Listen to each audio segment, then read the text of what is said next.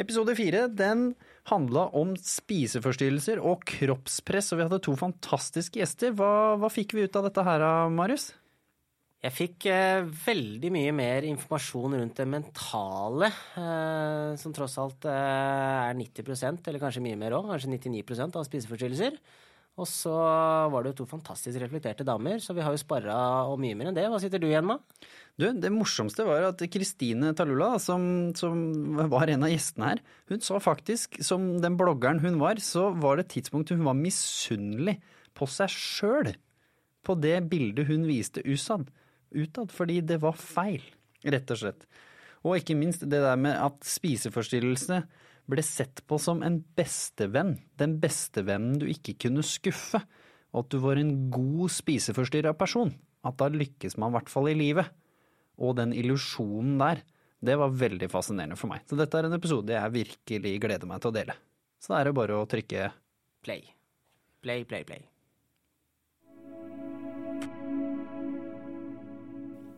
Og da er vi tilbake her på Hverdagssyken med et utrolig spennende tema i dag. Og det er kroppspress. Og ikke minst eh, hvordan kroppspress kan gå virkelig galt på den måten, men også hvordan det er mulig å komme seg videre fra det som for veldig mange ser på som en umulighet, men også hvordan dette kan i hverdagen være et kjempestort problem for de som også ikke nødvendigvis eh, får det såpass tungt og såpass ille med seg. Hva, hva tenker vi om det, Marius? For, for, det første så tenker jeg at det her er noe jeg tror folk flest nesten uansett er innom i stor eller liten grad. I hvert fall i løpet av livet. Det at uh, man har forskjellige stadier av det, forskjellige komfortsoner, forskjellige eksempler. Uh, vi er jo i en tidsalder hvor digitaliseringa eksponerer alt hele tiden nå, så, så det her er i hvert fall noe som er virkelig dagsaktuelt ikke minst. Og vi gidder jo ikke bare å høre på oss sjæl, så vi har jo selvfølgelig tatt med oss to fantastiske gjester i dag. Vi har spesialflydd en gjest fra Danmark som jeg gikk på videregående med, som er en fantastisk eh, person som virkelig har eh, både vært eh, nede i kjelleren og gravd seg litt under kjelleren, tror jeg, og så kommet seg opp igjen og bygd et hus opp på toppen av den kjelleren. Hvorfor Danmark? Vi har Kristin. E. Kristin E. Kristine, ja. som snakker norsk. Heldigvis for eh, de som hører på som ikke kan dansk. Ja. ja. Så jeg skal introdusere henne litt uh, også. Uh, og så har vi også med Katrin fra vårt eget uh, team i The Human Aspect-teamet, som også har hatt sine egne opplevelser med det her gjennom, gjennom sitt erfarne liv. Hun liker ikke at jeg sier eldre eller gammel, så jeg er erfaren. um, jo, Kristine. Du kan jo egentlig litt sånn lynraskt uh, introdusere deg selv litt. Sånn, uh, hvem, hvem, er du for de som ikke vet, uh, og de som ikke gikk på videregående med deg? Ja, det syns jeg du var så flink til å introdusere meg. Så, men jo. jeg kommer fra Drammen. Um, er 31 år. blitt det nå. bodd i Danmark de siste fire årene av livet mitt. Og um, har hatt en spiseforstyrrelse i ja, 20 år, og vel så det. Um, ja, og diverse andre ting. Uh, og nå har det egentlig bare nå gått den riktige veien de siste årene um, etter at jeg ble innlagt i, i, Danmark og endelig fikk den hjelpen som jeg har hatt behov for i så mange år. Um, og resultatet av det er at uh, nå har jeg fått en datter. Og um, vi er på besøk i Norge for første gang, så det, det er veldig hyggelig. Så um, det passer godt med det du sier, at det, jeg har ligget langt under, men føler at jeg er i ferd med å nå toppen nå. Absolutt, og derfor så er jo du den perfekte gjesten til det her, da, som på en måte kan hele spekteret nesten, bortimot, av, av, hva det nå har vært. Men ikke bare det, men du har også vært en litt uh, kjent profil, som også gjør dette enda mer spennende å, å ha perspektivet ditt. fordi det er jo ofte der mange legger skylda i dag. At det på en måte er disse profilene, disse rollemodellene. Og i 2018 så er jo Norge nå det første landet i verden som foreslår den nye reglementet hvor man skal måtte sette på bildene sine at det er redigert, eller at det er gjort noe med det. Så derfor så, så var det på en måte ekstra spennende å, å ha deg med som gjest, tenker jeg. Det er også fantastisk at det, at det er noe som det arbeides på, fordi det er så viktig. Eh, og ikke minst det med hvor mye som blir Altså hvor mye skuespill det er da, i de sosiale medier. Fordi altså Du kan jo komme inn der og se alt det fantastiske, og du ser det livet du ønsker å leve. Eh, og det er bare 10 000 kontoer som prosjekterer det livet. Og så sitter du der kanskje ja, kanskje bor du hjemme hos foreldrene dine, eller eh, du sitter alene, eh, har ikke så mange venner, eh, og føler det at du bare går glipp av det hele. Um, men sannheten er jo det at de fleste opplever dette her på eh, flere tidspunkter i livet. Men uh, det er mye lettere å på en måte leve det livet man ønsker gjennom sosiale medier. Um, og jeg tror også mange opplever med at de selv til slutt forsvinner sånn inn i den boblen. Da, at de nærmest tror selv at de lever det livet som de, de egentlig ønsker.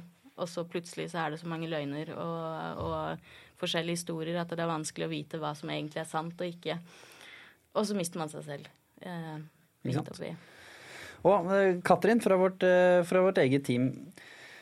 Altså, Veldig mange sier nå liksom, de siste ti årene alt har blitt verre, mental helse kommer inn. For, men dette, dette, foregikk jo før det også. Nå, nå, ser jo ikke dere det som ser på, men vi har tekoppene våre på sånne flotte magasiner og blader her, som, som da er jo for historikerne til uh, sosiale medier, hvis vi skal kalle det det. Like retusjerte og omgjort veldig mange av de bildene i disse magasinene. Spesielt på begynnelsen av 90-tallet og 80-tallet også, hvor MTV og liksom alle disse tingene kom inn i livene til folk, hvor man hadde plakater på veggen og Det er jo noen av oss som husker det òg.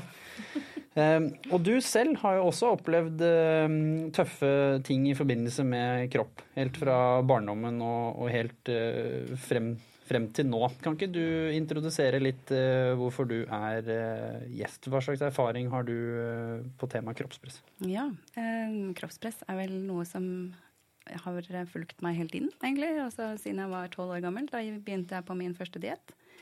Um, og én ting er det vi snakker om, hva man ser i sosiale medier, hva man ser i, i blader.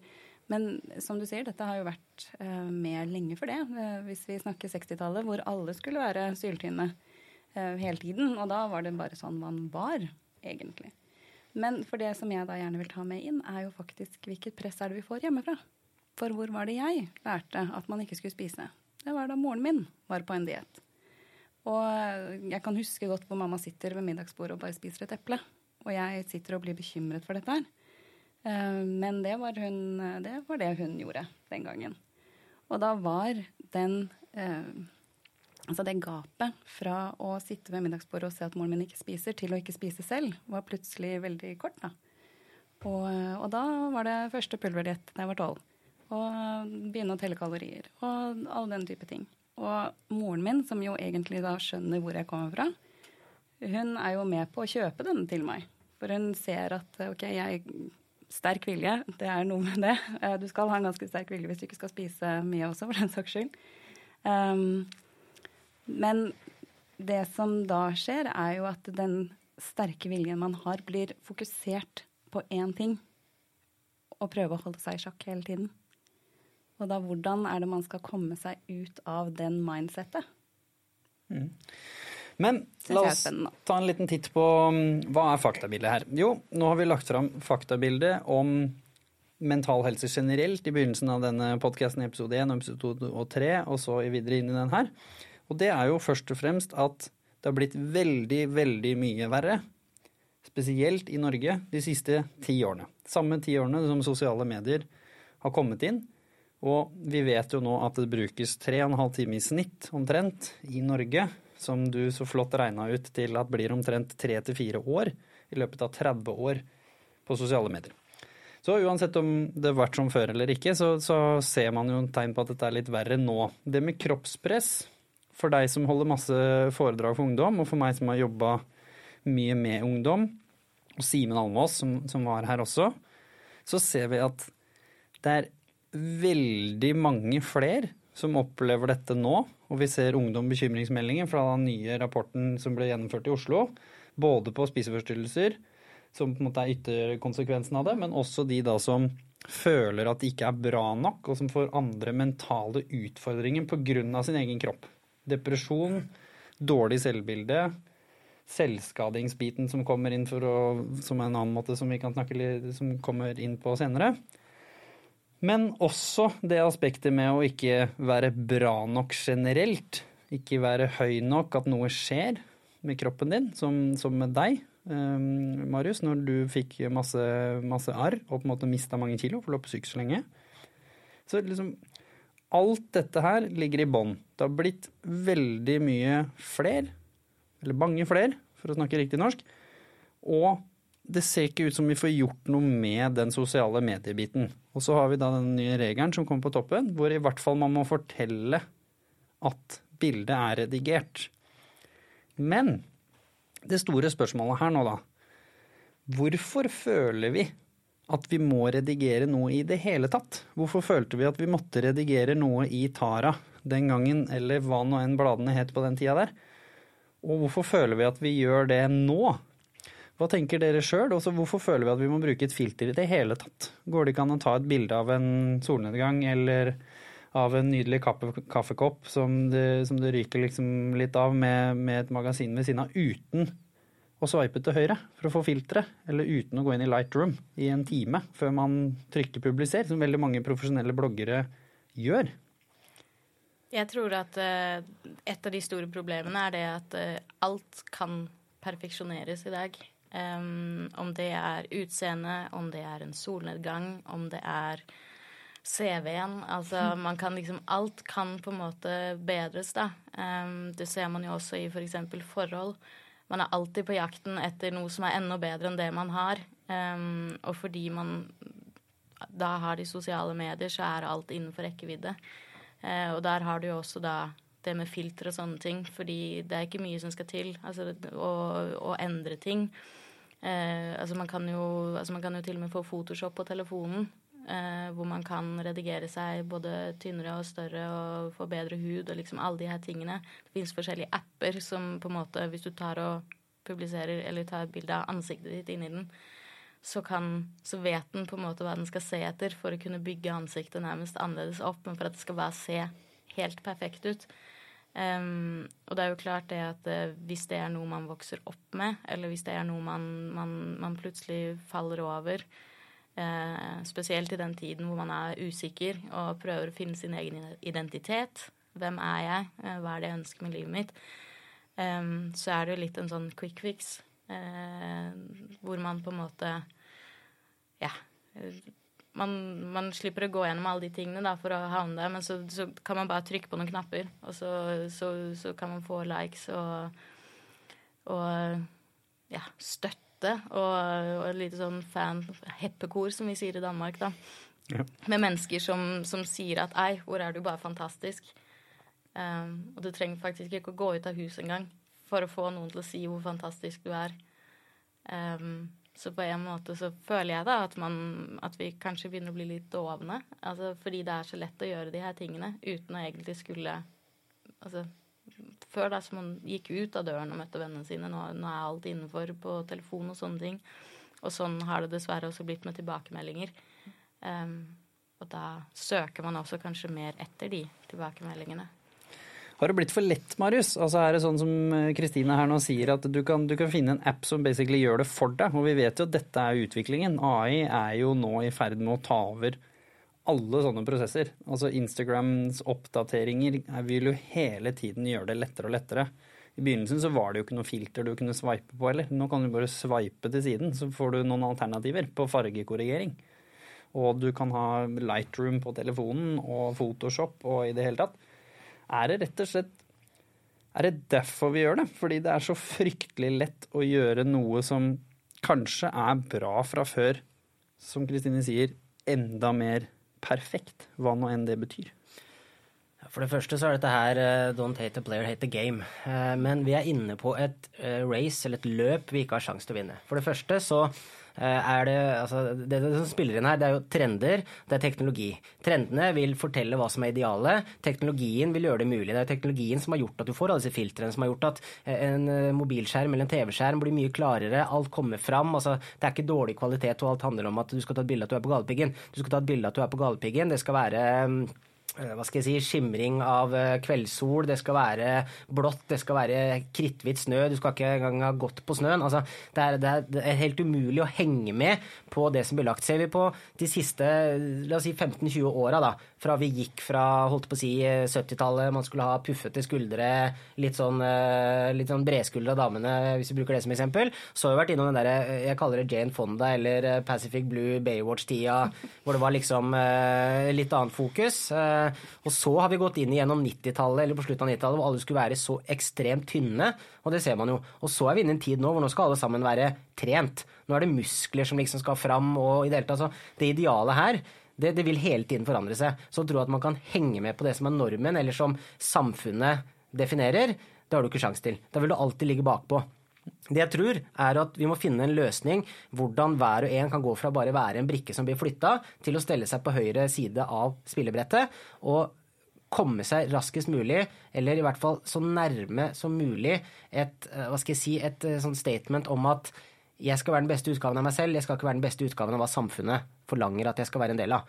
For det der gjelder uansett hva som er situasjonen din, om du, om du, føler deg for tynn, om du føler deg for tykk, om du føler at du har en kroppsdel du ikke er fornøyd med, om du, i mitt eget eksempel, om jeg har arr, f.eks. Altså, du vil uansett ikke klare å henge med, så du, du, må bare du må komme deg ut av det spillet, ikke være en brikke. Jeg syns faktisk det er litt fascinerende og bra.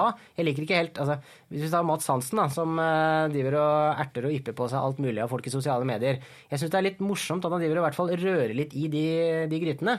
Så med tanke på siste nå er at han driver og angriper de som har redigert bildene sine. Og det er liksom ikke litt heller. Det er sånn Med en gang det blir poengtert, så er det ganske mye. Og da blir det sånn Er det ingen som legger merke til det? Hvor langt har det gått? Altså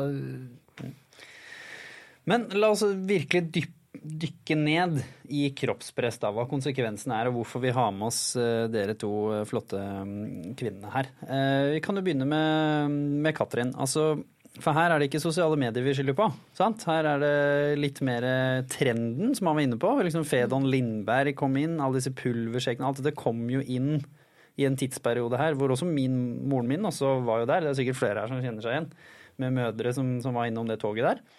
Og hvordan det påvirker da barna som, som, ser på dette her, og ikke i utgangspunktet at nødvendigvis det trenger å være sånn at moren din sier 'hei, drikk shaken din'. Fordi bare det å se at noen andre gjør det, som er din rollemodell der og da, er jo selvfølgelig mamma og pappa, sånn i starten, før det blir uh, Pablo Andersen og, og gudene veit hvem vi hang på veggen vår, sant, med plakat. Men hva var konsekvensene for deg? Ta oss liksom med på, på din uh, reise. Hvor, hvor, leda det hen, og, og, hva tror du var litt sånn Det er litt tankene dine der og da. Hva var logikken bak at du gikk den stien den gangen?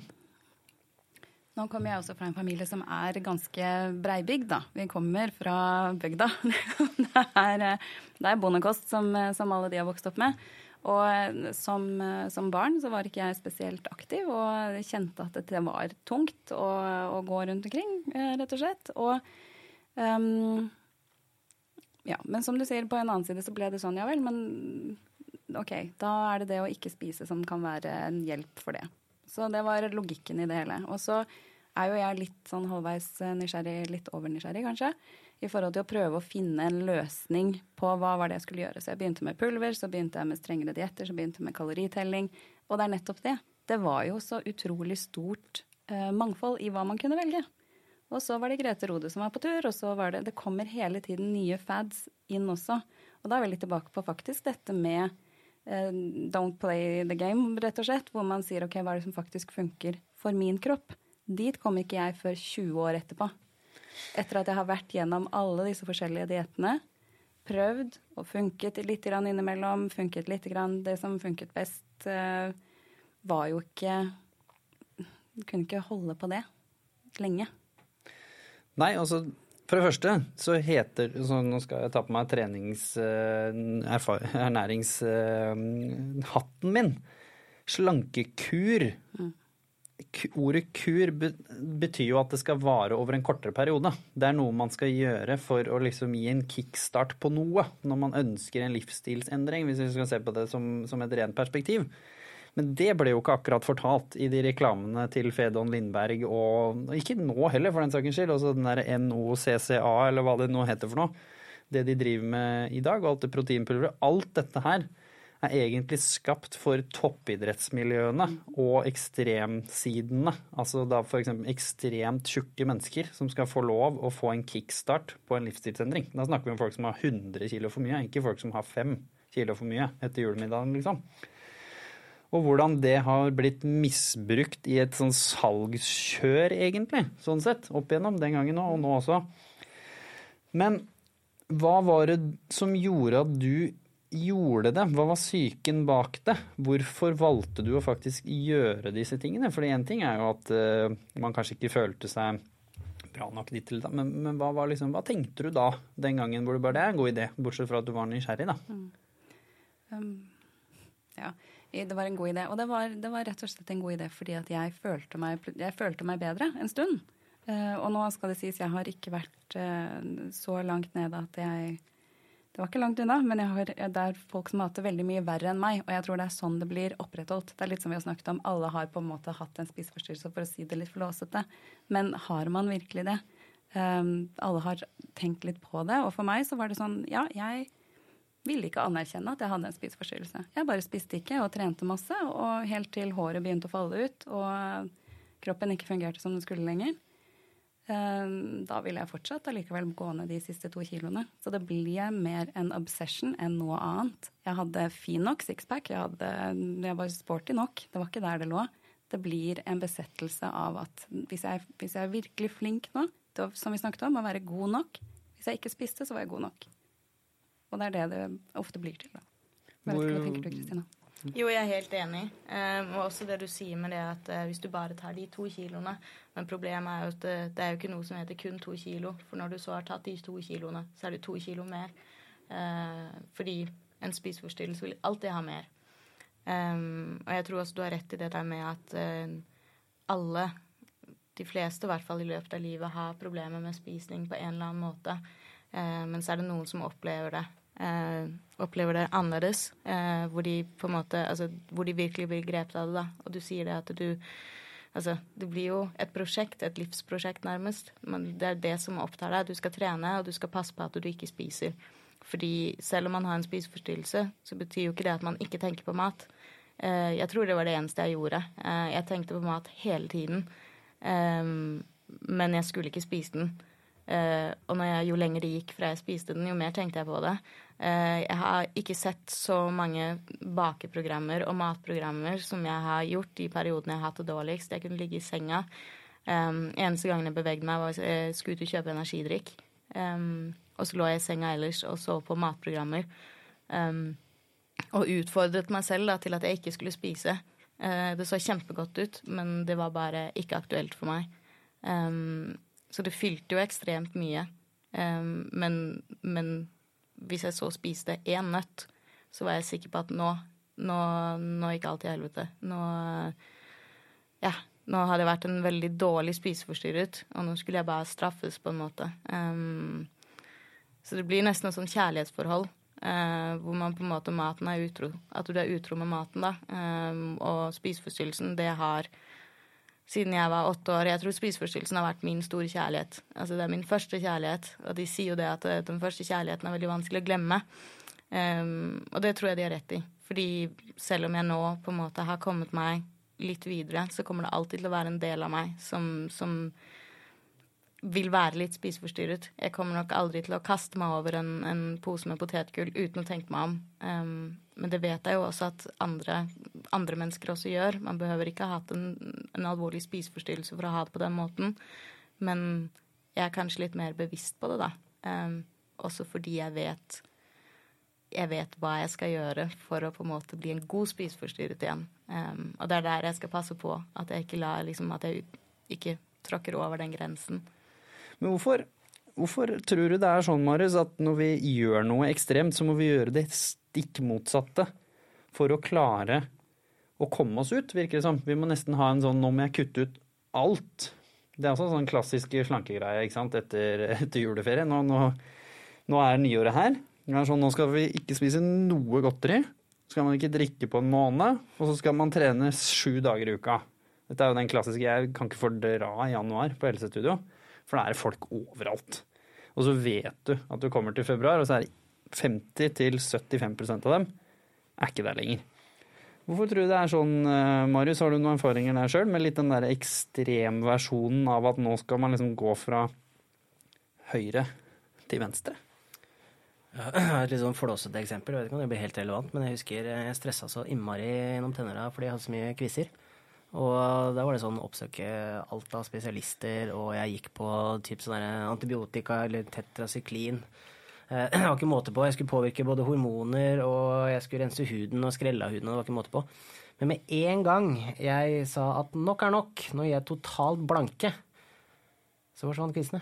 Det syns jeg bare var veldig ironisk på den tida, husker jeg. Og det der er litt sånn der, eh, typisk. Det er veldig mange som jobber med salg eh, i det landet her. Eh, når de er på vei ut av jobben sin, så gjør de gjerne de beste månedene, for det er ingenting å tape. De bryr seg ikke, og så plutselig blir det et annet resultat. Eh, men det var det her jeg mente med at det er litt sånn flåsete eksempler, men hvis dere tar tegninga. Men noe jeg kjenner jeg ble veldig sånn opptatt av nå, det er jo fordi vi har jo på en måte blitt enige om at vi skal, vi skal prate i hjel myter i den, i den podkasten her. Altså, vi, vi, skal prate, og, og, jeg tror de fleste som har enten vært innom The Human Aspect, eller som har møte på i livet, som, som føler at det går bedre, de, de har jo gjerne snakka om ting. Altså det å prate om ting. Så jeg, jeg kjenner at det må kunne vi må kunne utarbeide en eller annen viss uh, guide til de som kommer etter oss. Uh, F.eks. hvis vi tar spiseforstyrrelser med to så gode eksempler og sterke historier. Så, så blir jeg sånn, Hvis du spør en 16 år gammel gutt i dag spiseforstyrrelser, hva vet du egentlig om det? Uh, hva ville du sagt til noen som har spiseforstyrrelser? Så tror jeg kanskje du får et svar. Jeg må spise, da. Altså, hvor vanskelig kan det være? Det er jo forbanna enkelt. Spis, sant? Jeg har jo også spiseforstyrrelser i familien min, og jeg har vært den 16 år gamle gutten som bare sånn Ja, men ta og spis, da, ikke pirk i maten. Ja, nå må du spise også. Og det, det der handler om at Hvorfor ikke få det inn i naturfagsboka eller samfunnsboka eller hva pokker? Altså få de historiene, få Spesielt da. Nå, er, nå tror jeg jeg treffer på det mest stereotypiske. Det vil være en 16-17 år gammel gutt. Er det en 50 år gammel mann, så har han møtt nok folk, kanskje han har noen i familien sin, så han har lært det. Men en kar i tenåra som vanligvis ikke sliter så mye med dette eller blir eksponert for det, har jo ikke peiling. Hvorfor ikke vi prater om hva er det som er clouet eh, her? Altså, hva er det man må ta tak i? Hva, er det som, altså, hva har selvfølelse med spiseforstyrrelser å gjøre? Kontroll, ikke ha kontroll, det å være god på noe. For det her er ting vi finner igjen. Så det jeg er på jakt etter nå, det er at den her type psykologi Hvorfor er man forma som man er? Hvorfor tar man etter det presset? Hva er det som trigger det presset fra samfunnet? Hva er det som trigger at man skal se bra ut? Det er denne type ting vi må ha inn i skolen som psykisk helse på agendaen. Det er hva, ligger i, hva er det som fører til en spiseforstyrrelse? Hvordan tenker en som står midt i det? Hvordan tenker man når man kommer inn i det? Hvordan tenker man når man skal lære seg å leve med det? Så det er så mange sånne aspekter, og det her er noe jeg føler vi virkelig må ta tak i. Det er det, og The Human Aspect som fag, det har vi sagt mange ganger. Både på den podkasten og generelt, at det hadde vært uh, smashing. Og nå vet vi jo at i Norge også er mental helse litt sånn smått på vei inn i skolen, men nå går det jo ikke raskt her i livet. Men en ren antakelse. Hvis vi sier da at du på ungdomsskolen Kristine, mm. hadde fått det vi kaller en form for god informasjon mm. om hva en person med spiseforstyrrelse går igjennom, og litt hvordan det er, og hvordan man potensielt kanskje kan gjøre noe med det. Nå har jo du kommet deg ut av det gjennom å, å ha fått god profesjonell eh, hjelp mm. i Danmark. Hva tror du det kunne gjort med deg, hvis du bare hadde fått et navn på det sånn, og også fått lov å høre at det er ikke bare å spise, liksom. Altså, du faktisk fikk en, en, ordentlig forståelse fra noen ressurspersoner på skolen. Hva tror du det kunne gjort med deg? Eh, altså det, er jo, det, er jo, veldig interessant, fordi det, jeg, det, spørsmålet har jeg stilt meg selv mange ganger. Eh, hva, hva, er det som skal til? Altså, hva, hva, det, hva, kunne jeg hatt Hva var det som kunne hjulpet meg da når jeg var yngre? Um, og det er jeg faktisk litt usikker på. Um, selvfølgelig. Jeg tror absolutt jeg skulle ønske at jeg hadde hatt noe mer viten om de her tingene. Um, og jeg skulle ønske jeg hadde noe viten om at det fins også andre måter å håndtere de vanskelige tingene. Um, og der kommer da det med, med psyken inn og sånne ting, det der med at man må kunne snakke om ting. Uh, fordi for meg så har det vært veldig mye med skam. Uh, og for å kunne håndtere skammen, så har spiseforstyrrelsen på en måte vært der fordi den har vært så altoppslukende. Um, så jeg har ikke trengt å fokusere, eller tenkt å fokusere på de tingene som faktisk har vært svære, da. Og der kommer jo også det inn, det der med at ja, men det bare er å spise. Ja. Um, det sa alltid behandlerne mine i, i, i, Danmark. De sa det der med at nei, det er ikke bare å spise. Altså, du skal, du skal ta den første skjea, um, og det er det første skrittet. Men det er så mye mer, fordi det ligger ofte mye mer bak en spiseforstyrrelse enn enn kun den spisingen. da. Utseendet er jo det, den overfladiske delen av det, men ofte så er det noe mer. Um, så jeg har jo et ønske om at, det, om at, det, skal bli mer om psykisk helse i skolen generelt. da. Ikke kun spiseforstyrrelse, men, men psykisk helse. Og hva det gjør med en. Um, og ja, uh, bare hvor viktig det er å snakke om tingene. Uh, at det ikke er noen grunn til å skulle skamme seg. Um, fordi spiseforstyrrelsen den kan komme av så mange forskjellige ting. Um, men av mange av de jeg har møtt på min reise, sånn, spesielt nå de senere årene med behandling og sånn, så har det på en måte vært en fellesnevner, og det er det at veldig mange av de jeg har møtt, har hatt en vanskelig barndom, oppvekst. Um, om det så har vært en, en, mor eller en far som på en måte selv har hatt et forholdsvis anstrengt forhold til mat. Um, om det har vært mobbing eller at det har vært eh, utrygge perioder i livet. Um, det har liksom vært fellesnevneren. Det, og at folk ikke har fått snakket om det tidligere, før på en måte spiseforstyrrelsen har stått der og, og tatt imot dem. da. Marius, her skjer det noe spennende på flanken her. Nå er det en finger, finger i været. Ja, jeg tenker, altså, En ting er jo om uh, si det hadde vært en uh, helsesøster som hadde prata om dette her, eller det hadde vært en lærer som hadde hatt ekstra innblikk. Men det, det jeg tenker, uh, altså for å rette det mot dere, da, hva hvis det hadde vært en person Eller ikke en person. Hva hvis generelt hele skolen hadde vært mer opplyst om det? Så ikke det hadde vært så mye tabu rundt det. Altså at du vet at du hadde hatt tre-fire andre gode relasjoner i klassen som liksom bare sånn de vet det. Altså Ofte så, ikke sant, det er typisk sånn eh, når man snakker om eh, når man har en bestevenn. Så er det liksom ja, den ene vet hva den andre tenker og sier det den andre skal si før. og sånn. Altså, bare det å ha litt sånne synergier, da. Vi er tilbake til det vi har dratt opp mange ganger, at vi mennesker er flokkdyr. Og bare det å på en måte føle at eh, flokken vet, flokken har kunnskap, for det er én ting er jo også de som gjerne har altså, en av så mange lidelser man kan ha, eller som defineres som en lidelse. Jeg syns det er fælt ord å bruke, men som i hvert fall har en eller annen opplevelse eller et forhold til noe som gjør at man har veldig mye selvinnsikt selv. Og så er det, det, er jo selvkontrollen man sliter med, man har selvinnsikten. Det er jo altså, det, det er akkurat som jeg tipper folk som er alkoholikere, de, de, vet at de kommer til å drikke seg i hjel, men de klarer ikke noe for det heller. De vet ikke bedre. Så det, det er bare noe med det at liksom Jeg tenker hvis bare samfunnet generelt hadde vært litt mer opplyst. Jeg tenker, jeg var kjempeglad i historie. Jeg gjorde det bra, det var kanskje beste faget mitt på skolen. Men vi kunne fint tatt bort to timer historie. Hvis ikke så blir det ikke noe nyere historie. Da går vi rett vest. Så er det, ikke noe, det, er ikke, det er ikke noe mer historie å fortelle. Så hvis vi bytter ut et par historier der, og så får vi inn litt mer denne type temaer da, på skolebenken. Kanskje to timers øh, opplegg med bare spiseforstyrrelser. To timers opplegg med press, Instagram. Altså nye to timer. Facebook. Når kan det gå gærent? Og så fortelle barn i syv-åtteårsalderen hva å trykke like betyr, egentlig. Hvordan er Hva med sender og mottaker? Hvordan denne her, hva skal jeg si, filosofien funker? Eller alt det rundt det, da. Ja. Nå er det hender i været på alle retninger her. Vi begynner med de eldre. Snart 40 da, vet du. Katrin, veldig bra. Ser ut som en 30-åring, så det går helt fint.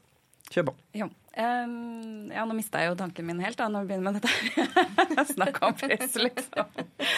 Um, ja, nei, det som, som, slår meg, er dette med det å snakke om spiseforstyrrelse. Jeg liker veldig godt uh, tanken Marius, forhold til at det er, det er, flokken som trenger å vite om dette her. Um, det som da også kanskje kunne ha skjedd, var at den flokken som driver og mobber, faktisk ville forstått forstått hva det innebærer.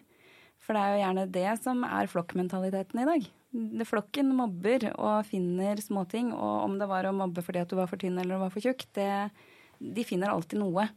Og hvis man da også ser på at det med spiseforstyrrelse, det er egentlig veldig synd at det blir bare hengt opp i mat.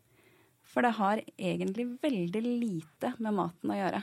Det er det du gjør for å håndtere det som faktisk skjer inni deg. Eh, for meg i hvert fall. Jeg tror det er sånn for ganske mange. Mm. Um, og det er, derfor, eh, det er, derfor, det også er så vanskelig å forstå. For det er sånn, ja, men kan man ikke bare spise litt, da? Bare gjør det. Det er så enkelt. Um, Men det er så veldig enkelt å la være, tror man. Og det er ikke det. Det er kjempevanskelig å la være. Det er som Kristine sier, man sitter og Jeg bakte kaker til gud og hvermann bare så at noen andre kunne spise det. Og hvis jeg tok da tilfeldigvis og slikket på fingeren av deigen, så måtte jeg spytte det ut igjen. For det, det, handler egentlig ikke om det å spise, men det handler om kontrollen. Og det kan man se på så mange andre steder også, som du sier, med sosiale medier. Det er også en måte å kontrollere massene på, sånn sett. At Oi, nå kan de synes at jeg er kjempefin, for jeg har på et kjempefint filter og jeg ser flott ut på dette bildet. Da må jeg se hvor mange likes jeg får. Sånn? Så hvis vi på en måte tar, tar, det vekk fra nødvendigvis spisingen For jeg tenker at de som er spiseforstyrret, får en gjeng med utrolig sterke folk. Selv om det er de som føler seg minst sterk av alle. Prøv å gå ikke spise en dag når du er sulten. Da. Det er kjempevanskelig å, å gjøre det over veldig lang tid. Så hvordan kan man bruke den kraften som faktisk fins der, til å få den inn på et annet spor, er det som jeg tror ville vært mye av tankene man kunne se på i undervisningssammenheng og, eh, og i forhold til atferdspsykologi. Hvordan er det det påvirker oss? Ja, for du Kristine, du sa jo at det eneste du var god på, og du fikk toppkarakterer, sa du, i spiseforstyrring. Ja. Ikke sant? Som er en litt morsom måte å, å, se på det, som trekker jo perfekt inn i det her. Så igjen, går det her hvis vi liksom skreller av alle skallene, går det igjen tilbake på noe så banalt som å få til noe? Ja, eh, eller for meg var det i hvert fall det.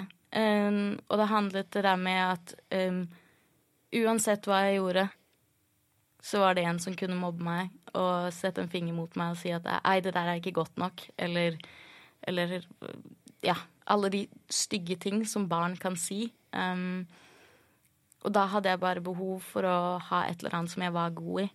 Og hvis de da kom til meg og sa, kalte meg uh, jævla anoreksioffer eller sånne ting, så var det jo Det hørtes jo veldig slemt ut, men inni meg så sto det jo en person og jublet fordi jeg hadde jo oppnådd akkurat det jeg ville.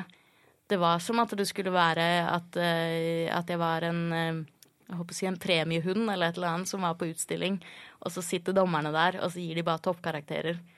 Um, fordi det var jo det jeg ville, på en måte. Um, og da kunne jeg ta de negative tingene som de sa, da. Det der med at jeg var for tynn og sånne ting. Jeg kunne snu det til noe positivt. Fordi de, uansett hva jeg gjorde, så var jeg jo ikke god nok. Uh, og da måtte jeg jo på en måte finne, opp, finne det jeg var god til. Og det var spiseforstyrrelsen, fordi de kunne ikke hakke på meg. Fordi jeg var tynn. Jeg var for tynn. Og så, før vi slipper til Marius på flanken her, så ble du jo veldig god til å skrive og dele livet ditt i det som ble, skal vi kalle det, bloggebølgen i Norge. Når det liksom virkelig tok fotfeste i Norge. Du var jo en av de som ble med, ble med der, og som, som lyktes på det, og hadde veldig mange folk som fulgte med på hva du skrev og sa og, og, gjorde i livet. Hvordan var det da, når du plutselig på en måte fikk fryktelig mye anerkjennelse for å være I hvert fall det livet du viste, da? Det var kjempevanskelig, fordi jeg, lever, jeg levde jo på en løgn. Um, og så ble det sånn, så ble jeg bare mer ekstrem for hver gang. Fordi jo mer ekstrem jeg var, jo mer positiv tilbakemelding fikk jeg. Um, jeg skulle jo gifte meg på et tidspunkt. Uh, og jeg husker det at folk skrev til meg uh, og sa det at de ønsket at liksom TV 2 skulle livesende uh, bryllupet. At det skulle være sånn minutt for minutt med, på NRK. Bare ikke, ikke, tog, men det skulle være våres bryllup minutt for minutt, nærmest. Um, så utad så levde jeg jo det livet som jeg alltid hadde drømt om å leve. Det som i mine øyne var det perfekte livet. Eh, sannheten var jo det at jeg egentlig bare ønsket at det skulle være noen som hadde lyst på meg og lyst til å være sammen med meg. Um, men det trodde jeg ikke at det fantes. Eh, så da skapte jeg den personen selv, på en måte. Um, og da var det veldig lett å gjøre det med et menneske som kanskje ikke hadde så lyst til å være sammen med meg. Um, og da også, når det kom til det med blogging og sånne ting, så var det jo Altså, jeg var jo med fra starten av. Um, og jeg var ganske tidlig som jeg ble signert med Nettavisen. Um, og det avsluttet jeg forholdsvis fort fordi uh, kjæresten min på det daværende tidspunkt var, var utro mot meg. Um, og da ble det plutselig veldig vanskelig, fordi igjen, det der med avsløringen Jeg følte meg veldig avslørt, da. At, det, at forholdet var ikke så perfekt. Um, og det husker jeg at uh, da måtte jeg bare komme meg ut av det med nettavisen og sånne ting. Jeg stoppa bloggen blogge en periode og sånn fordi jeg var livredd for at folk liksom skulle komme med noe kritikk til meg da, i kommentarfeltet og si det at uh, ja, men du lyver jo. Fordi det gjorde jeg jo. Eh, men det var jo ikke noe jeg ville at folk skulle vite. Det, det var jo på en måte min hemmelighet. Um, og jo mer, jo vondere det var, jo villere ble løgnene. Uh, altså, jeg har Altså, jeg kunne selv se på bildene og det jeg skrev og sånne ting, og, tenkte, og, og være misunnelig på meg selv nesten når jeg så det, fordi det, det, det så virkelig helt fantastisk ut. Eh, og der kommer det jo på det der vi sier med det der ekstreme, at, at så må man bare bryte helt med ting. Og for meg så var det det at eh, jeg måtte bare gjøre det så ekstremt for at jeg skulle kunne tro på det. Eh, og plutselig en dag så satt jeg der og innså det at jeg var jo det mennesket som jeg hatet aller mest. Det der mennesket på sosiale medier som på en måte Alt skulle være perfekt og sånne ting. Og, og, og se på meg og hva jeg får til og sånne ting.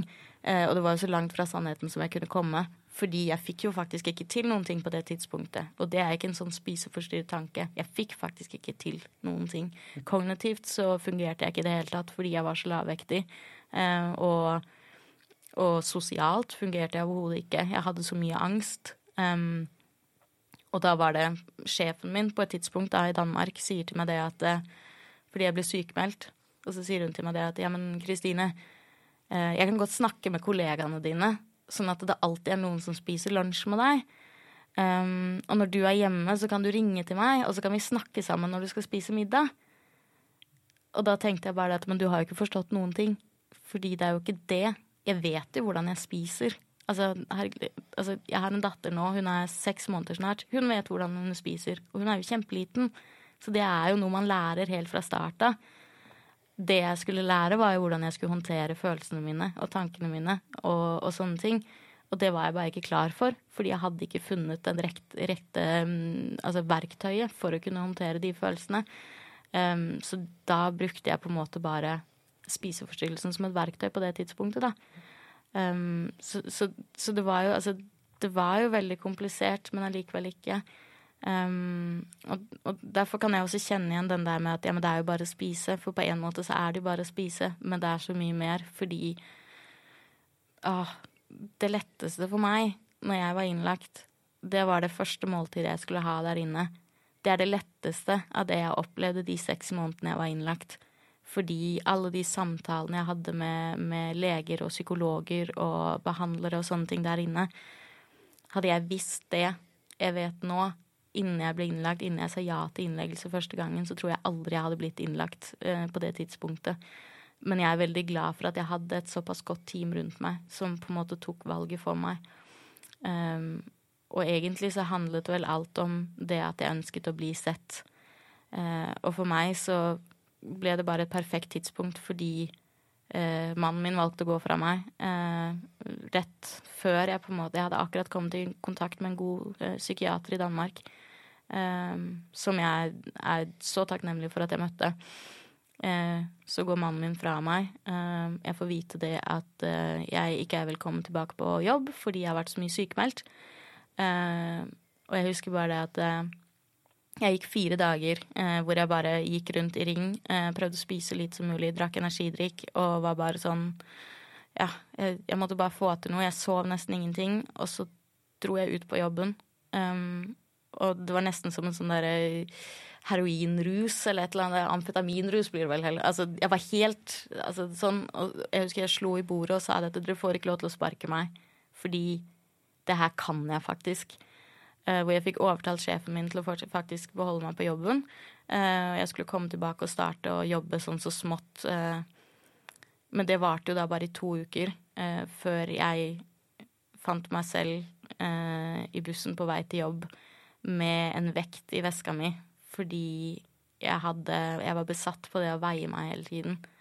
Eh, og jeg hadde å Jeg hadde brukt hele natten på å finne ut hvordan jeg skulle klare å gjemme den vekten på jobb, på badeværelset der inne. Sånn at jeg kunne gå ut og veie meg hver time. Eh, fordi det var veldig viktig for meg. Eh, og det var vel egentlig da det gikk opp for meg at det her, det her går ikke. Og jeg ringte og sa det at jeg kommer ikke tilbake på jobb nå. De beholdt meg så. Uh, jeg ble først oppsagt etter at jeg hadde vært innlagt et stykke tid. Uh, men det var også helt greit. Men, men, men, det var jo altså, det var jo helt absurd det der med, med det der å, å, skulle spise. Fordi det fantes jo med Jeg kunne jo ta beroligende etterpå fordi jeg hadde så mye angst. Jeg fikk panikkangstanfall på vei ut fra spisesalen. Uh, og jeg kunne ta ta noe beroligende når jeg kom ut. Og det hjalp på det, men alle de vanskelige tingene jeg skulle snakke om, alle de tingene jeg på en måte hadde fortrengt, alle de tingene som hjernen min hadde fortrengt fordi jeg var, var underernært og ikke fungerte Når de kom frem, så var det jo med enda større kraft fordi jeg begynte da å gjenoppleve mange av de her tingene. Um, og for meg å håndtere det, så var det som om noen av de her tingene skulle skjedd i går. Um, og det er noe av det jeg mener med det at man skal snakke mer om den psykiske helsen, og snakke om det der med å skulle kunne ta bedre vare på hverandre. Og, og ha mobbing også inn på, på, i skolen, altså fordi Pythagoras setning, hvor mange ganger har jeg brukt det siden jeg slutta på skolen?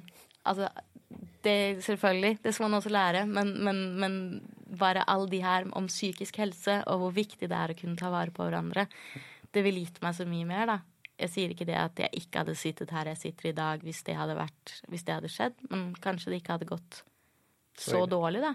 Mm. Det vet jeg ikke. Marius,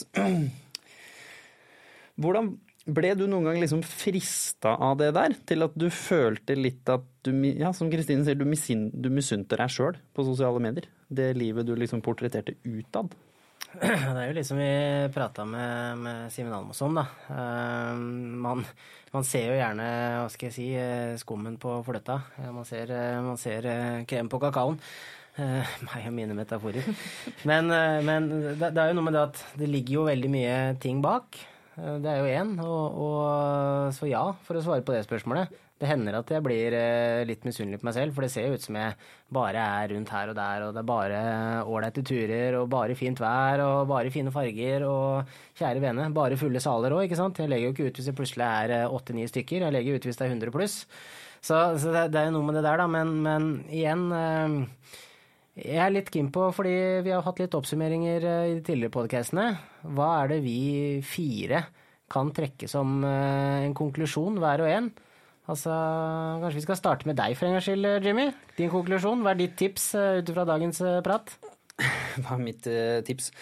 Nei, altså litt sånn som jeg var inne på med noen av de andre også. Nå har jo jeg vært gjennom en, en sånn type reise med kroppspress selv, hvor jeg var veldig mye mobba i, på barneskolen og ungdomsskolen. Og jeg som deg gikk da på en videregående som takk og lov var langt unna de fleste jeg kjente, sant? Hvor jeg altså fikk en litt fersk eh, start, sånn sett. Jeg fikk lov å være meg selv.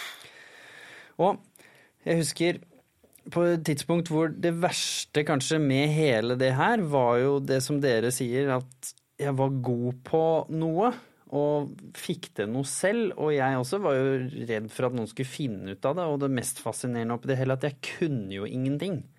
Hadde jeg kunnet noe om dette på forhånd, så hadde jeg ikke gjort noen av de helt sånn banale feilene. Den første tingen jeg gjorde når jeg bestemte meg for ok, nå er Jimmy ferdig med å være smålubben. Jeg var aldri kjempestor, men jeg var smålubben. Så de som mobba meg for å være smålubben på barne- og ungdomsskolen, de hadde en grunn til det. Og om det var min skyld eller mamma og pappas skyld, eller om det var sjokoladen eller pre... Altså, hvem bryr seg, på en måte? Faktum var at jeg var litt overvektig den gangen, og ble mobba for det, og bestemte meg for da OK, da slutter vi å spise. Og begynner å trene samtidig.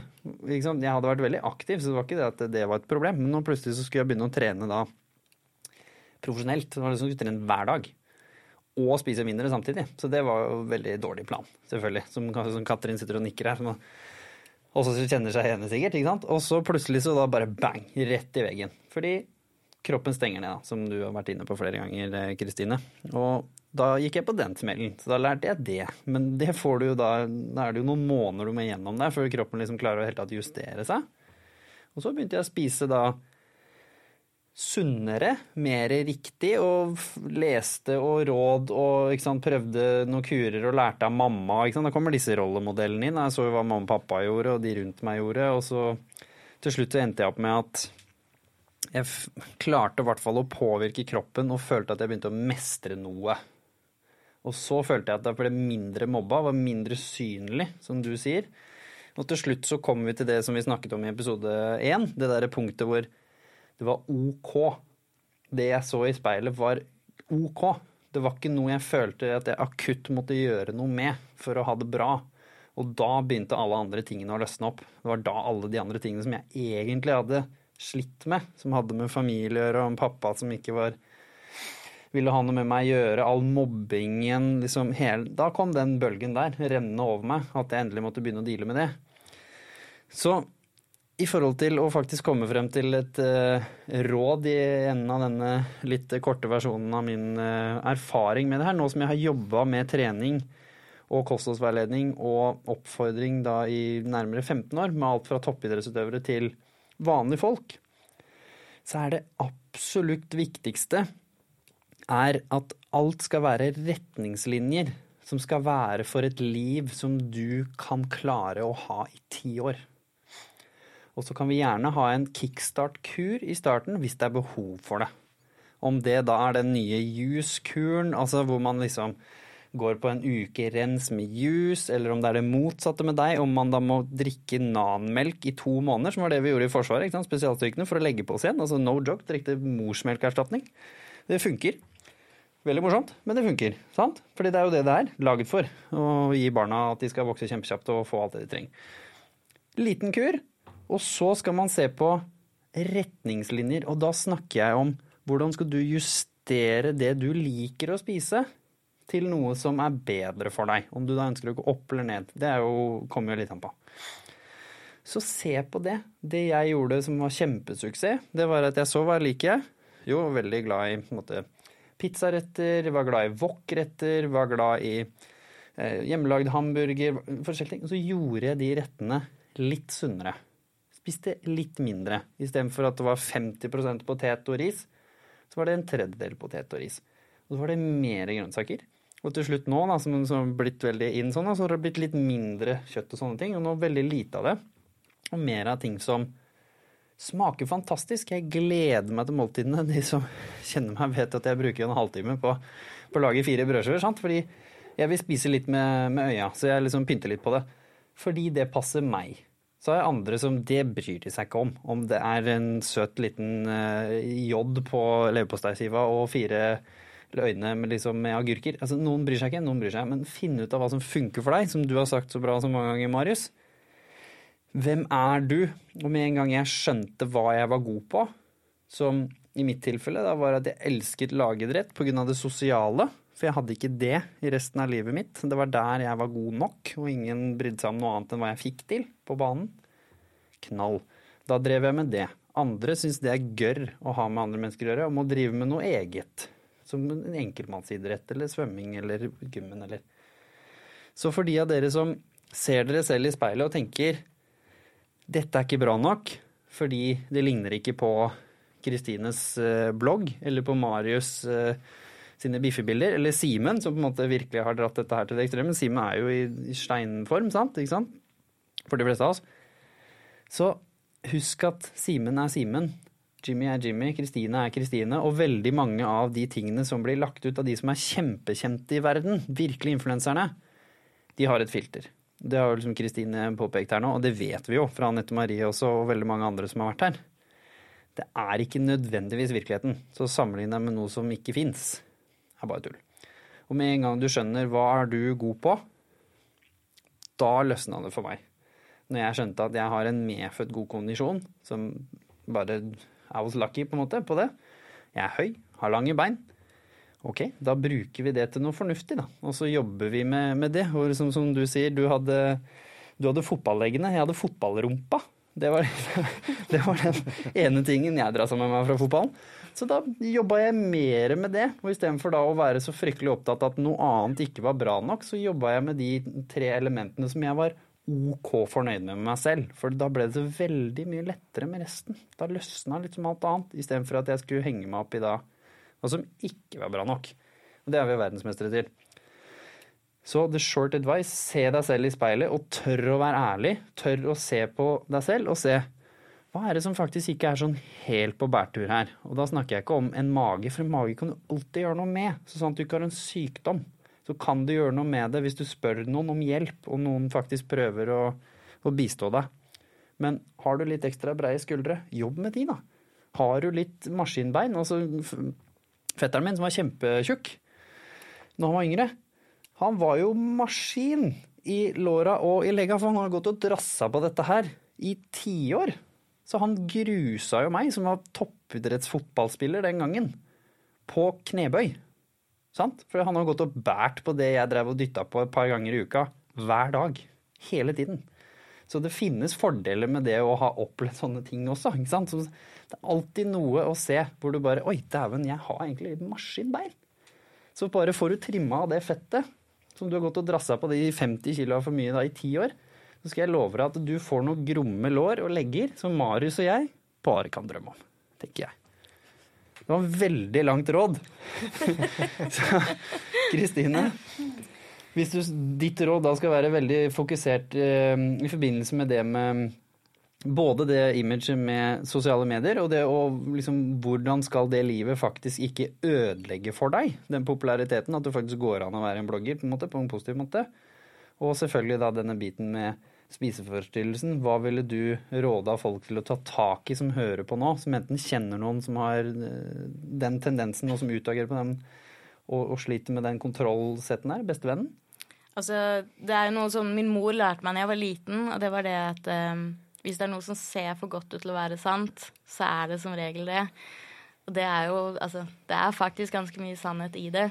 Fordi for hver eneste gang jeg postet uh, bilde av en uh, perfekt uh, tallerken med mat som jeg hadde laget til meg og nå min, min eksmann, så, så Så postet jeg jo ikke bilde av ansiktet mitt som var helt forvridd av tårer, og hvor jeg var kjempelei meg. Uh, og angsten jeg hadde innvendig fordi jeg faktisk ikke hadde lyst til å spise den tallerkenen. Fordi det ville jo ikke se bra ut på min Instagram-feed, men det gjorde nettopp den tallerkenen med mat, da. Um, eller da vi gikk sammen på videregående, um, så var jo du en redning for meg, faktisk. Du gjorde faktisk så jeg overlevde videregående. Um, de fem minuttene fra, skole, eller fra bussen og til skolen hver dag hvor vi gikk og snakket sammen uh, det er noe av det jeg husker aller best fra videregående. Um, og der har man på en måte litt av det filteret igjen, da. Fordi eh, alle de tingene som jeg har lært om deg senere i livet, og de tingene du bar på også på den tiden, der var du kanskje den, den perfekte tallerkenen min, da, der du gikk. Fordi du var veldig god. Altså, du, du var utrolig omsorgsfull, og du var eh, fantastisk søt.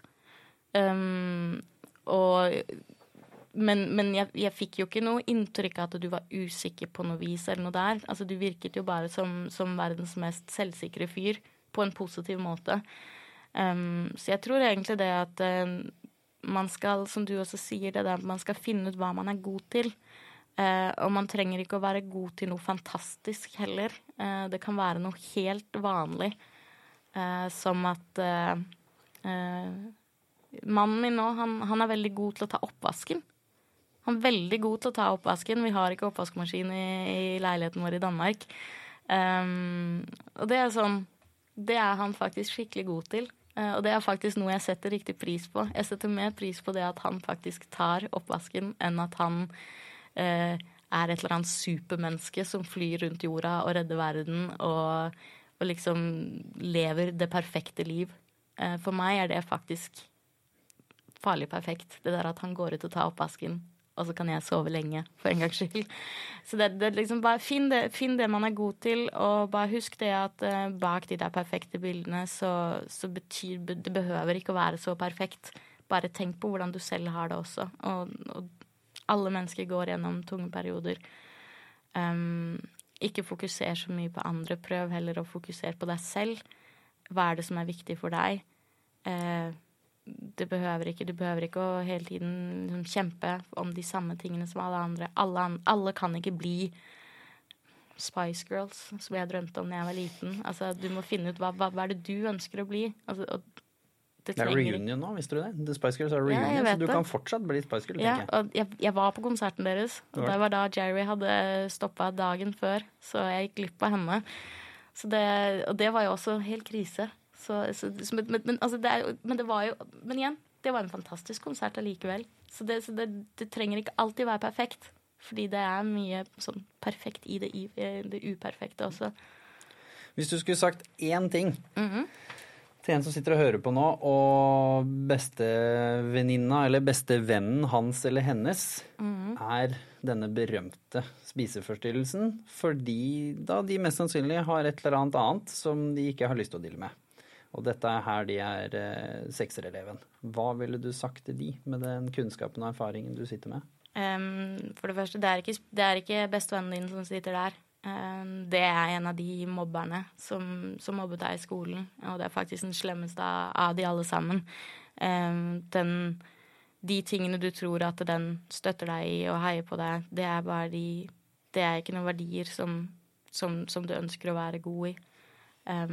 Fordi den, den spiseforstyrrelsen, den ødelegger deg fra, fra innsiden uten at du selv vet det. Eh, og det er som en skikkelig dårlig relasjon, en dårlig venninne, et dårlig forhold. Eh, kan ta det nesten som et, et, eh, et psykisk eh, dårlig forhold, der det er psykisk terror.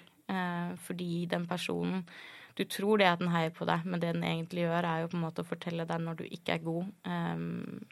Og når du er god, så er det Altså, du, du kan egentlig bare vri og vende på det. At de tingene som, som spiseforstyrrelsen sier er positivt, det er egentlig ikke positivt. Og bare se på alt det du, det du mister også, ved å fokusere så mye på det. Det å skulle ha venner rundt det og sånne ting, det er jo altså, For meg i hvert fall så var det helt umulig. Også fordi det var så viktig for meg å skjule det. Um, Spiseforstyrrelsen er noe som vil ha hele deg. Du kan ikke bare gi en liten del av deg, fordi den tar hele, men det er bare vanskelig å legge merke til det selv. Um, og så plutselig er du fanget. Um, snakk med noen. Um, finn noen du kan snakke med. Om det er en forelder, om det er en, en helsesøster eller en, en lege eller om en, en god venninne. Bare tør å åpne deg. Fordi det fins gode mennesker der ute også, som ikke er, ikke er en spiseforstyrrelse. Ja. Skal vi se da om Katrin og Marius klarer å være korte, siden vi brukte opp all tiden deres. Så Katrin, hvis du skulle gitt mer mm, et råd til de som, som fortsatt lever på en måte mer med det presset at det, dette har kommet mer som en sånn konsekvens av ting hjemmefra. Ikke nødvendigvis sosiale medier eller det presset, men mer det presset at det var din måte å håndtere den hverdagen du hadde hjemme på. Hva ville du sagt til de som sitter med den eh, bakgrunnen? Jeg tror egentlig at den, jeg tror den bakgrunnen Egentlig så tror jeg bakgrunnen egentlig er Det går for det samme, hvor vi starter egentlig. Om jeg hadde også, som du sier, jeg hadde jo disse gamle bladene hjemme som man skulle leve opp til. Så det handler ikke nødvendigvis om det. Og det er det jeg egentlig vil fram til, er at det handler heller ikke om maten. Det handler ikke om maten, og det jeg ville sagt, er at du er så mye sterkere enn det den spiseforstyrrelses eh, bestevenninnen forteller deg at du er. Du er sterkere enn den. Og hvis man kan se på dette som en styrke, dette, det at, at du har denne lidelsen, som vi sier i anførselstegn, men hvis du kan klare å snu fokus For hvor fokusert er man ikke faktisk på maten, men hvis det ikke handler om maten lenger, hvordan kan man snu fokus til bare et eller annet annet? Som dere snakket om, bli god på noe. Du har en kjemperessurs i deg til å virkelig spesialisere deg inn på et tema. Hvis det ikke var mat, hva kunne det være annerledes? Hva er det du kan gjøre for at du kan få en god følelse i kroppen din istedenfor? Istedenfor å bli spist opp innvendig. Og hvis de som hadde spiseforstyrrelse, virkelig skjønte hva det gjør med deg Hvis de leser om hva som skjer i kroppen når man gjør dette her, ville man faktisk fortsatt å gjøre det. Jeg snakket eh, med masse folk om dette her i min tid, og det beste rådet jeg egentlig har, igjen, er faktisk snakk med en lege som vet hva som fysisk skjer inni deg. Og så begynne å se om du kan finne en ordentlig god psykolog som skjønner at ikke det handler om maten. Marius? Jeg skal bake inn eh, tre raske poenger. Nummer én. Nummer én, og kanskje det viktigste, er du konkurrerer ikke med noen andre enn deg sjæl. Og hvor lang tid du bruker på å finne ut det, det er vanskelig å si. Nå bikker jeg, bikker jeg 30 om noen uker, og det er først nå jeg begynner faktisk å føle at erfaringa mi, hjernen min, refleksjonene mine er sterke nok. Så dette blir også da punkt to, som er et råd til gjerne de under 30.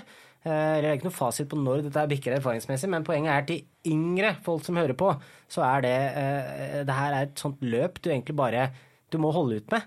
Eh, det er, det er som å ta førerkort. Hvis du tror du er ute Altså, du, du, du, får på en måte sertifikatet til livet, og du er nødt for å ha x antall år på veien før du begynner å faktisk virkelig kjøre bil. Før du begynner å hva skal jeg si, reflektere over hva som er langs landeveien, før du ser skilt i sidesiden. Du har sett det mange ganger før du er rutinert. Og det gjør at uh, når man nærmer seg 30, da, eller pluss-minus 30, så begynner man å se tilbake og tenke ah, hvorfor gjorde jeg det? Nei, jeg var ung og dum der. Hvorfor gjorde jeg det? Nei, jeg reflekterte ikke nok. Nei, jeg hadde ikke levd nok, jeg hadde ikke møtt nok folk. Og kanskje da, det som er punkt nummer tre her nå, kanskje det viktigste, jeg vet ikke om det egner seg eh, for lytteres øre, men jeg vil si det veldig enkelt, og det er begynn å gi litt mer faen i alt og alle andre og sosiale medier. Ferdig. Ferdig, er du sikker? Ja. ja. Nei, Vi vil først si tusen hjertelig takk til eh, dere to fantastiske gjestene, som ga oss et lite innblikk i hvordan eh, det da ikke nødvendigvis handler om maten, og hvordan denne formen for eh, både besteventetider og en måte å håndtere livet på, så vidt vi har forstått her nå, rett og slett fungerer. Og ikke minst hvordan kan man ta tilbake kontrollen på det andre deler i livet, og faktisk tørre å møte alle de følelsene og alle de hendelsene som har skjedd i livet, som dro deg inn i, i det sporet. Og ikke minst det samme med deg også, fått litt sånn eh, tanker om hvordan skal man klare å fokusere litt mer på seg selv, og, ikke sammenligne seg nødvendigvis så mye med det rundt seg, heller forstå hva det rundt deg er. Det er potensielt et filter, det er potensielt til og med et bilde av deg selv som du er misunnelig på. Og i mitt tilfelle også, så, så er det av og til rett og slett din egen demon du møter. Du ser ikke Det som du ser i speilet, er ikke det bestekompisen eller bestevenninna di ser i speilet. Rent fysisk sett også. Så det er jo litt artig, det òg. Spør, spør, en venn, holdt jeg på å si. Hva ser du i speilet? Så kan det hende du ser noe annet. Men tusen takk, så er det ikke det vi skal si. Tusen takk for alt sammen denne gangen. Og så gleder vi oss til um, nye episoder. Og ikke minst, eh, vi gleder oss til å følge med videre på, på hva som skjer med og uten filter fra deg, eh, Kristine. Og vi kommer også selvfølgelig til å legge ut uh, detaljer for dere som vil følge litt med på hva hun driver med nå. Og ikke minst den nye familien som, som kommer. Og det samme med, med Katrin, som er vår mester i å bedazzle things på The Human Aspect-kontoene. Og selvfølgelig Marius og meg selv. Tusen takk for oss.